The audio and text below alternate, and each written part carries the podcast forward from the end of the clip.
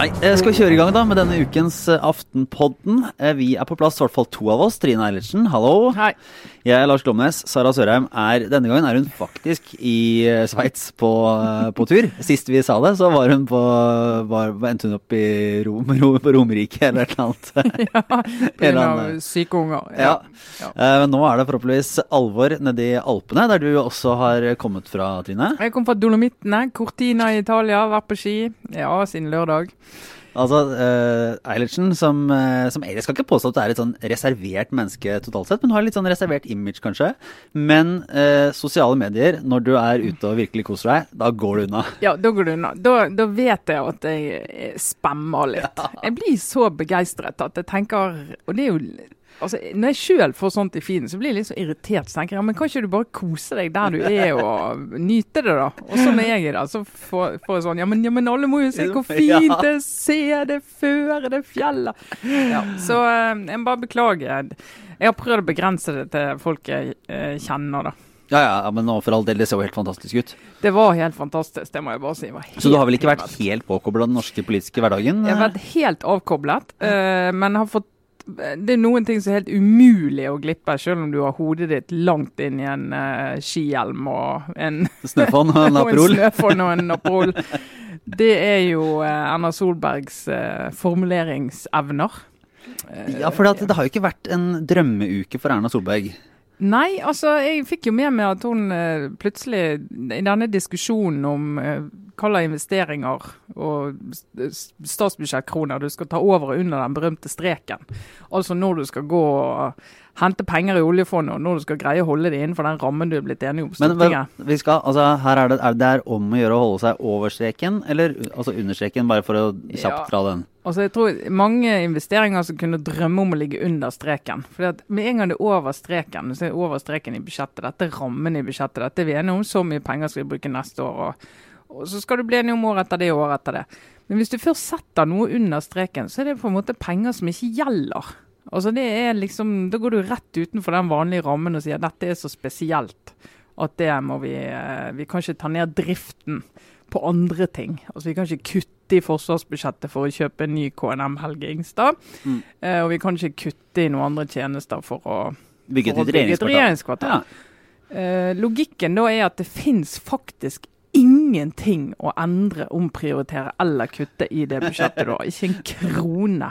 Men det kan jo, kan du skjønne, Jeg tror jeg har forhandla med tre andre partier i lange, lange tider og fått satt dette sammen, og det har vært diskusjoner om 50 000 til et eller annet her, og KrF har fått noe til en bibelskole, og Venstre har fått en eller annen eh, liten greie.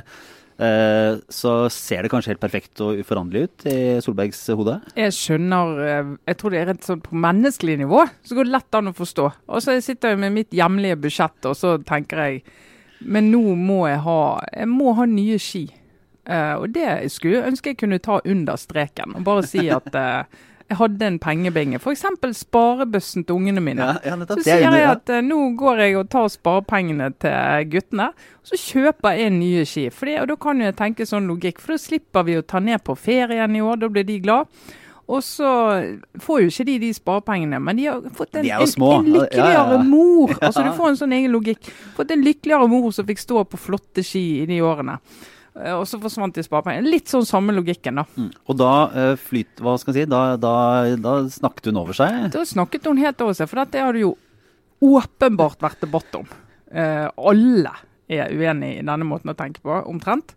Uh, og da har hun fått mye kritikk for det, og da svarer hun altså at ja, hvis det er sånn at dere ikke vil at vi skal bygge regjeringskvartal, og, og på en måte la dette bli et monument over Anders Behring Breiviks handlinger som store gapende sår, så, Da så vil- dere gjerne det. Ja. Og så er det- og så det jo ingen som har argumentert mot å bygge regjeringskvartal. De har uh, diskutert finansieringen av regjeringskvartalet. Og da, når du da er Norges aller viktigste politiker, og går ned den veien i argumentasjonen, da, da er det noe som har glippet veldig, veldig, veldig alvorlig, egentlig. Ja, men er det, er det Jeg tenker, er det bare en sånn liten eh, snakkete feil, eller er det, blir du, er det provoserende, eller er det bare litt dum? Hvor, hvor, hvor på skalaen er sånn altså, jeg, jeg, tenker at det er litt fundamentalt at overhodet altså Når du blir møtt med kritikk når du er eh, Norges mektigste politiker, og du blir jo møtt med kritikk hele tiden, og nå har den vært ganske massiv, og sånn er det av og til. Og da, Hvis du ikke da evner å ordentlig høre etter hva kritikerne sier, og gå og svare på det de faktisk kritiserer det for, men, men finner et eller annet stråmannsargument der ute, det syns ikke jeg politikere på det nivået skal holde på med. Jeg syns at det kan en del eh, hva skal jeg si, urutinerte opposisjonspolitikere kan eh, holde på med det, men ikke statsministeren. Mm, og så er det vel, eh, det er, det er vel vanskelig å, å trekke inn 22.07. Måtte mistenkeliggjøre motiver og, og på sånn rundt 22.07. i en løpende politisk debatt i Norge? Ja, det syns jeg. Å bare kaste det inn og tillegge meningsmotstanderne nærmest et ønske om at eh, vi ikke skal gjenoppbygge regjeringskvartalet eller erstatte KNM Gingstad. Det tror jeg alle ønsker. Ja, ikke alle kanskje, men de fleste ønsker det. Uh, og da, da, må du ta utgangspunkt i det, og så må du finne hvordan skal vi gjøre det. det sånn, men, det, men det er litt sånn symptom, tenker jeg. For det er jo en veldig presset statsminister.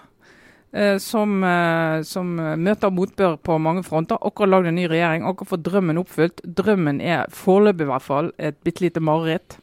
Fordi Det har jo kommet ulike målinger eh, fra, fra, flere, og også den som er gjort for NRK og Aftenposten, som eh, vi er fra Norstat, er det vel. Ja. Eh, der Høyre går tilbake med 4 prosentpoeng, og de andre borgerlige partiene også går litt tilbake. og Da ser det jo ikke spesielt godt ut i det hele tatt. Nei, det ser veldig veldig dårlig ut. og det Høyre sin eh, nedgang er innenfor feilmarginen. Så det Høyre sliter. og det, ja, Altså utenfor feilmarginen? Ja, ja, ja utenfor. Mm. Innenfor, utenfor. Et eller annet, ja. Det, var for, ja. det gjelder. Ja. vi, kan, vi, kan, ta utgangspunkt i det. Og så eh, er det jo, De har på en måte klart seg greit gjennom alle mulige stormer. de. Eh, det har duppet litt opp og litt ned, men ikke sånne markante utslag eh, i regjeringsperioden. Og de, de, har tatt, de, har fått gevinst når det har gått bra, og de har ikke blitt veldig straffet når det har gått dårlig. Det er de små partiene. Og til dels Frp som har, eh, som har tatt det. Men nå er det også Erna Solbergs eget parti som, eh, som straffes. Og ikke minst selvfølgelig samarbeidspartiene, både Venstre og KrF. Vi snakket så vidt om det før vi gikk på luften, at det med velgerlojalitet er jo noe du nesten ikke snakker om når du snakker om Venstre. Nei, for det er uansett, uansett, veldig, veldig veldig lav. Der andre har grunnfjell, har de en sandhaug ja. som sklir ut for ingenting. Og nå er han på rekordlavt eh, nivå. Det betyr at folk som stemte Venstre forrige valg, de har overhodet ikke tenkt å gjøre det nå. De har gjerne gått til andre partier. Det som mange partier klamrer oss til, det er jo når de sier at ja, men mange har gått til gjerdet. De har forlatt oss, men de har ikke sagt at de skal stemme på et annet parti. De er det mulig å vinne tilbake. Venstre de strever jo med å finne mange nok av de òg, så der er det mørkt. Ja, ikke, og nå kommer det jo til og med et lite opprør, uten at det skal sies å være sånn kjempebredt grunnlag for det foreløpig. Men et, et, brev der Trine Skei Grande egentlig blir bedt om å gå av. Ja, det har kommet, og, det har kommet frem. Åpne kilder. Ikke mange riktignok, men det er nå der. Uh, men, og det er jo, det er klart, altså I Venstre har det jo vært en sånn diskusjon om veivalg var det jo lenge. liksom Strategien da de bare var samarbeidsparti. Og så etter de gikk regjering, tror jeg alle har hatt litt sånn behov for ok, nå, må vi, nå prøver vi det, nå må vi se hvordan det går. Og det har, det har ikke skjedd noen ting uh, altså De har ikke fått noen uttelling for det, da, med mindre noen tenker at ja, men hadde det ikke vært i regjering, så hadde vi hatt 1% altså, Det kan hende noen mm. tenker det. Men det er virkelig på rekordlave nivåer. Det er på totallet måned etter måned etter måned. Uh, og da er det mener jeg, helt naturlig diskusjon. Du har hatt en partileder som har sittet i ja, åtte-ni år nå.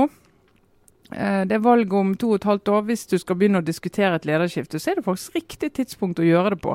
Mm. Uh, og prøve å få gjort det på i rimelig tid før neste valg. Så hvis det der virkelig begynner å røre seg, så kan jo det bli interessant. Små partier med lederdiskusjon, det de, de, altså de må ikke bruke for lang tid på det. Men det er, jo, det er jo litt interessant å se på begge de sentrumspartiene, egentlig, om som har gått gjennom prosesser eh, mer eller mindre ryddig for å finne ut at de skal gå inn i regjering og samarbeide med Fremskrittspartiet.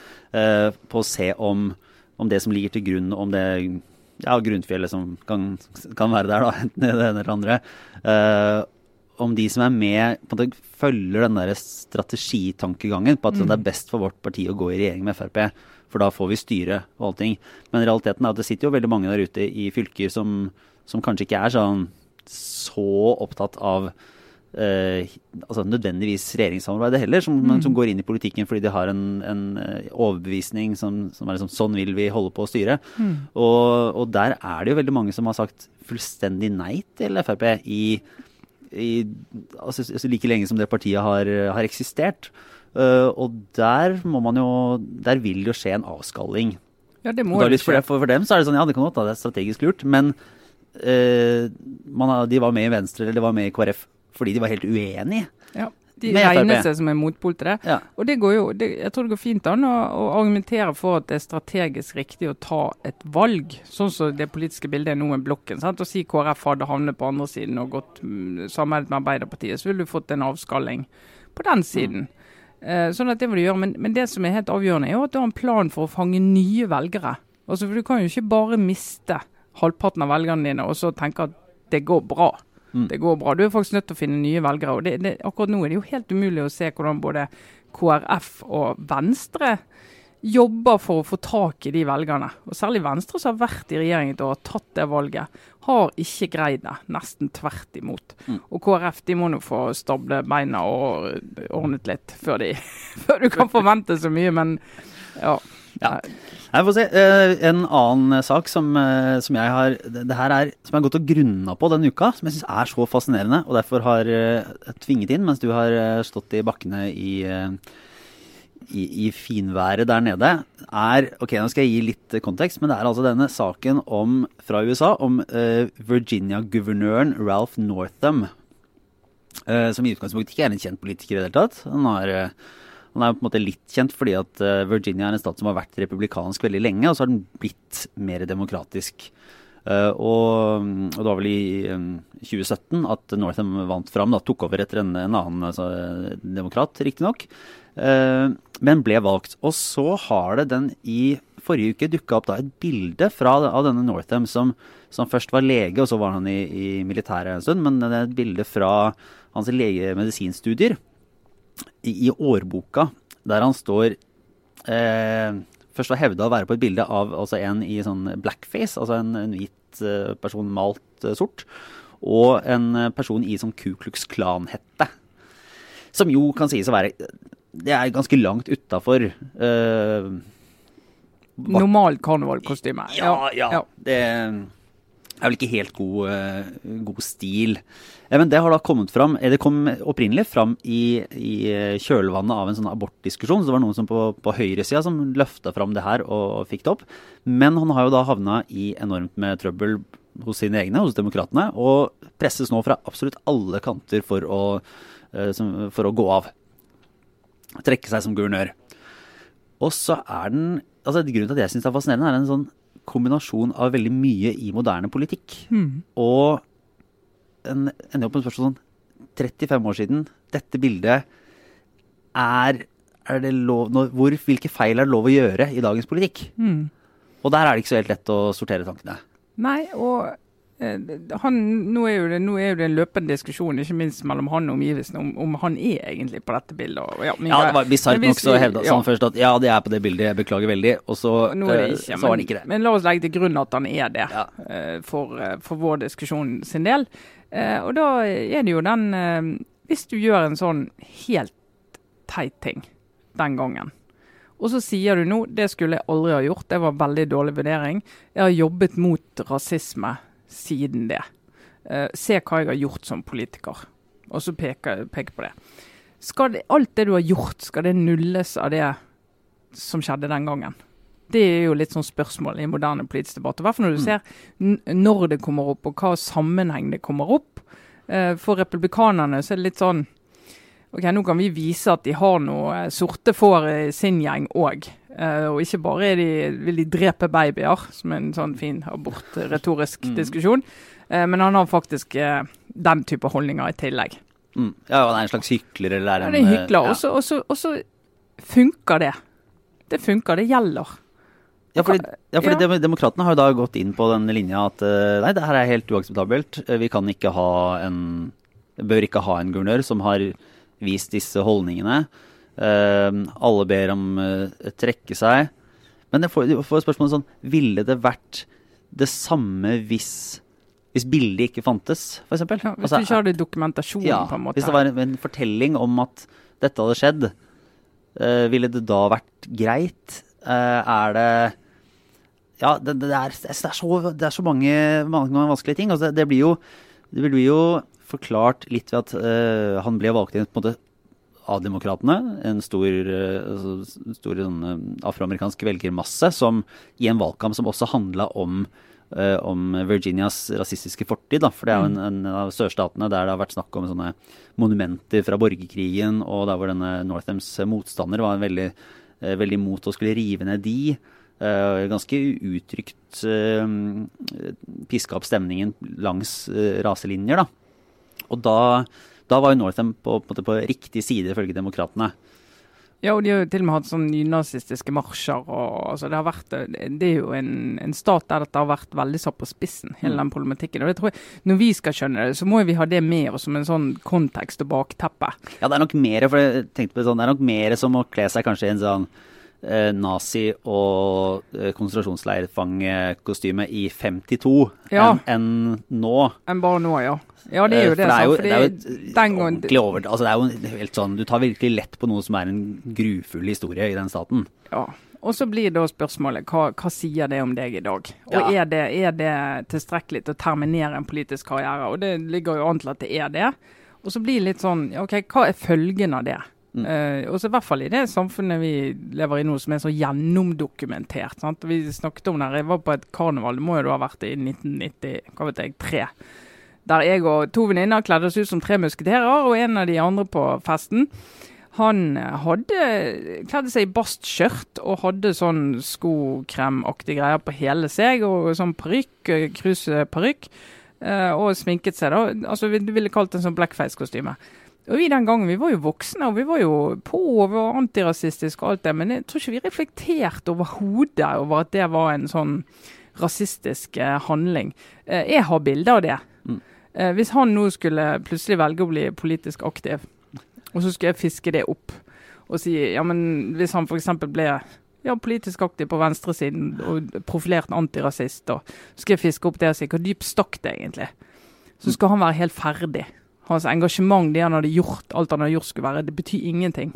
Ja, for det, her er det jo også en, Den uh, historien i Virginia blir jo bare mer og mer uh, spesiell, fordi også da den potensielle etterfølgeren, uh, som da er en, en afroamerikansk demokrat, ses på som et talent i partiet, han er nå anklaga for et seksuelt overgrep.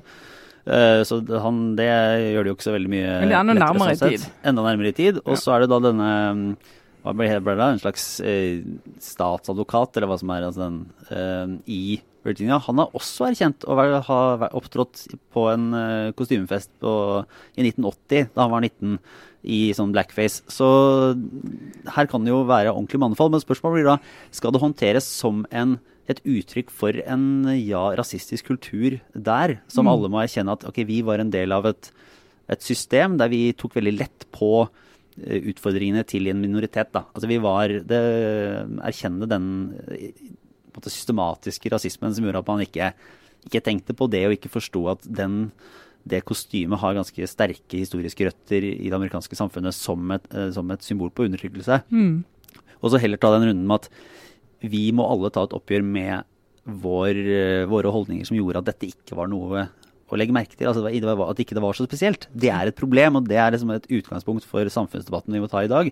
Eller så er det den der vi må ta Dette må slås ned på. Alle som har gjort noe synlig galt, øh, for 30, 35 år siden, må ta konsekvensen av det.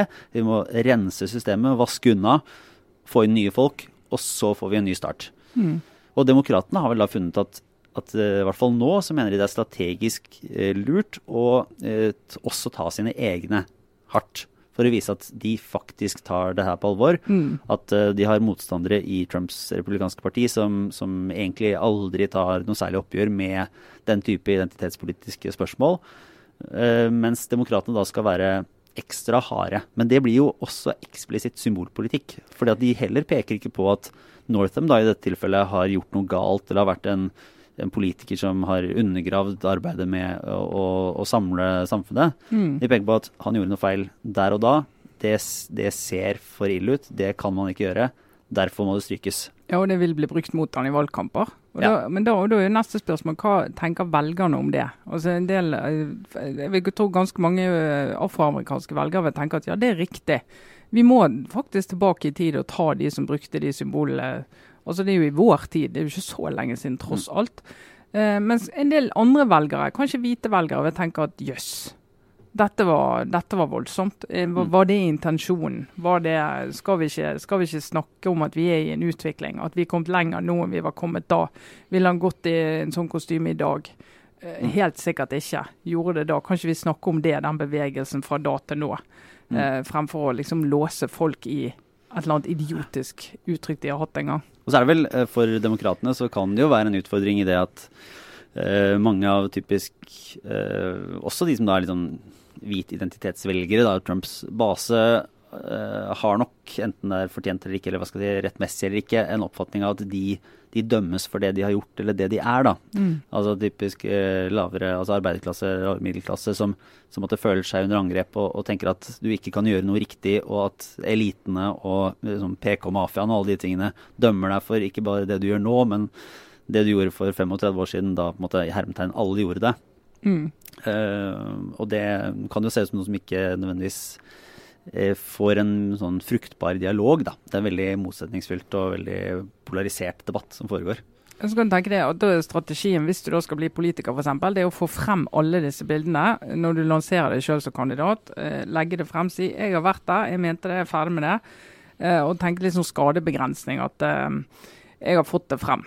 Ja, jeg Mm. var full på den festen og tafset på en dame, og jeg tok på meg sånn kostyme. Altså, noen, var- noen har sikkert hele listen. Ja, det var, det var et eksempel i en artikkel i, i The Atlantic om en, eh, om en annen politiker som, som var i sin ungdom med i Ku Klux Klan. Uh, og da tok et, måte, liksom, tok et åpent brudd med det og sa at det var det dummeste jeg noensinne har gjort. Jeg angrer på det, jeg har prøvd å rette opp det hele livet. Og det på mange måter var nesten enklere å forholde seg til i offentligheten. Fordi det var, eh, det var en tydelig posisjon som ble reversert, heller enn en sånn litt sånn allmenn eh, vanskelig Mm.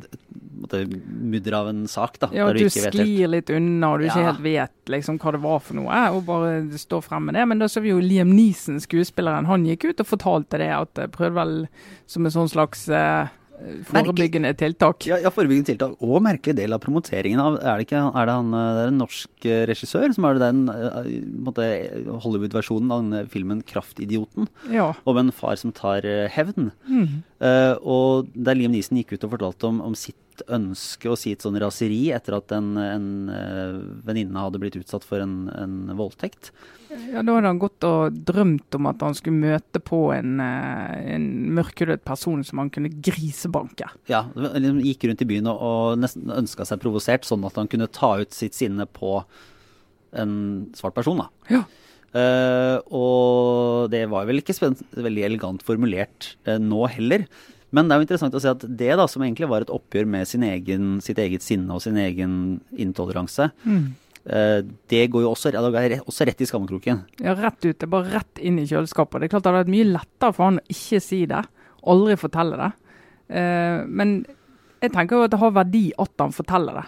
Og at hvis du skal, hver gang noen forteller en sånn ting, så skal du bare slå de, slå, slå de i hodet med den største skiftenøkkel du har i verktøykassen. Så eh, da blir det mye sånn Enten så må du faktisk ha ment og gjort alt det rette fra dag to på jorden for å kunne være en offentlig profil, eller så må du gjemme alt og late som ingenting. Ja. Det, det er bra, da. Jeg vil, derfor, jeg vil komme ut bare her og nå eh, og si at da eh, jeg på et tidspunkt, da jeg var sånn fem-seks år, eh, var på karneval og ble kledd som en eh, araber eh, i, eh, i påtegnet skjegg og sånn tørklekostyme. Så bare i tilfelle det skulle brukes mot meg Hvis finnes det bilder, så Det fins bilder. Jeg står ved siden av en pirat. eh, og ikke les for mye inn i det. Nei. Men, eh, Nei, det, var- sannsynligvis kan begge komme veldig dårlig ut av det på Ja. et tidspunkt. Så, men det som var den historien som dukka opp i, i dag, altså torsdag, var jo den rareste og merkeligste av alt. Det var fra, fra Hva var det det var for noe? Altså, det var Ålgård baptistmenighet, som var øh, menigheten til Olaug Bollestad. Ja, menigheten hennes. Ja. Der de hadde hatt en sånn Kongodag. Så det var liksom 2019. Ja. kler vi ungene i eh, svart, voksen svart, og så leker vi at vi er i Kongo. Jeg reiste til Kongo Ja, og spiste kongolesisk mat og lærte om Kongo og danset. og Det var en kongolesisk familie til stede òg.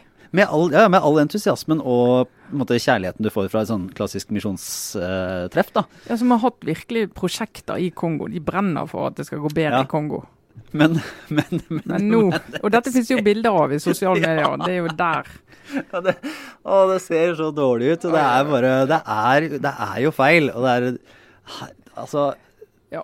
Går det an? Det er Men Olaug Bollestad lei seg på vegne av menigheten, virket som. Ja. Mens menigheten var litt sånn Ja, men alle må jo skjønne at dette var aldri intensjonen. De er virkelig tatt på sengen. Da. Ja. Og sånn å kle seg ut som du kommer fra Afrika, det, det visste ikke de. De skjønte ikke hvor eksplosivt det var. Nei, uff. Og det har jo gått veldig raskt her òg. At det Ja. er blitt det. Ja, ja, ja. Mm. Og, øh, men og det, er, ja, det er 2019. Det er mye som Ja. Mye som skjer. Ja, jeg, si, jeg vet ikke om vi kom noe nærmere en konklusjon her, men det er fall det er en, øh, det er en, øh, det er en fascinerende sak, syns jeg. For det Ja, det er plukker opp sak. så mye. Og, og det er litt Det kan jo det kan godt hende at han øh, Northam øh, burde trekke seg med en gang, og at det er en, en grov nok feil at han ikke har tillit i den posisjonen han har.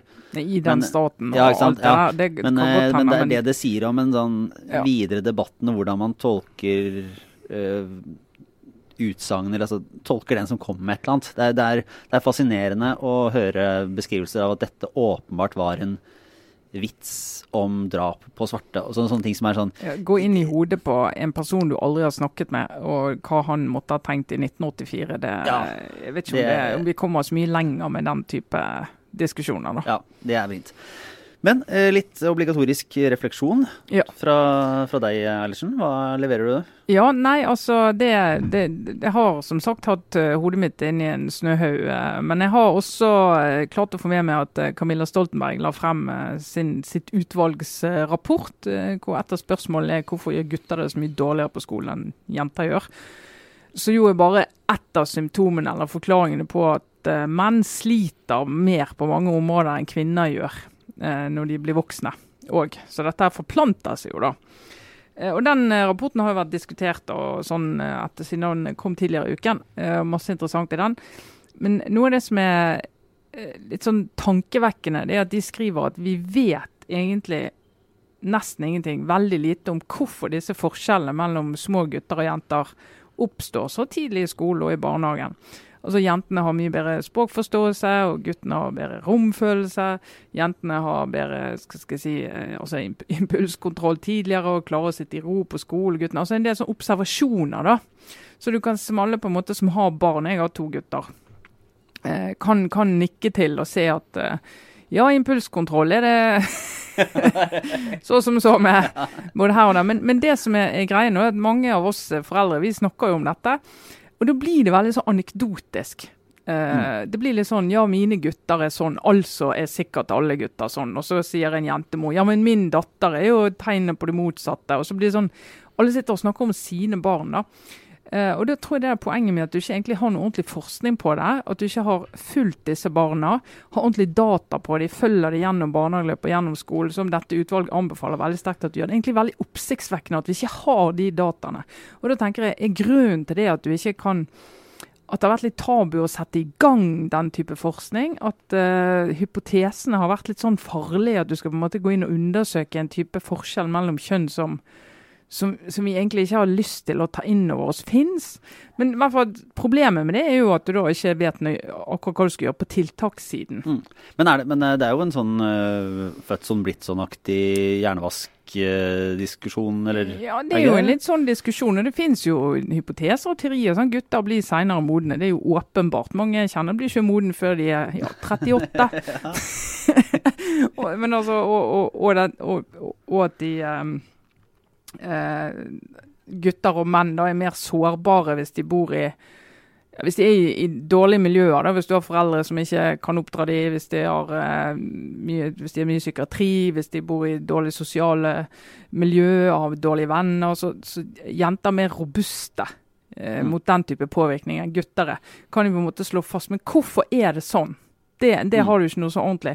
Å gå inn i det, sånn at du kan påvirke det positivt, det, det er utrolig viktig. Ja. Jeg er litt sånn spent på om vi kommer til å gå i en retning der det blir mer og mer liksom, ja, genetikk, eller at man på en måte kommer inn fordi den vitenskapen står så sterkt.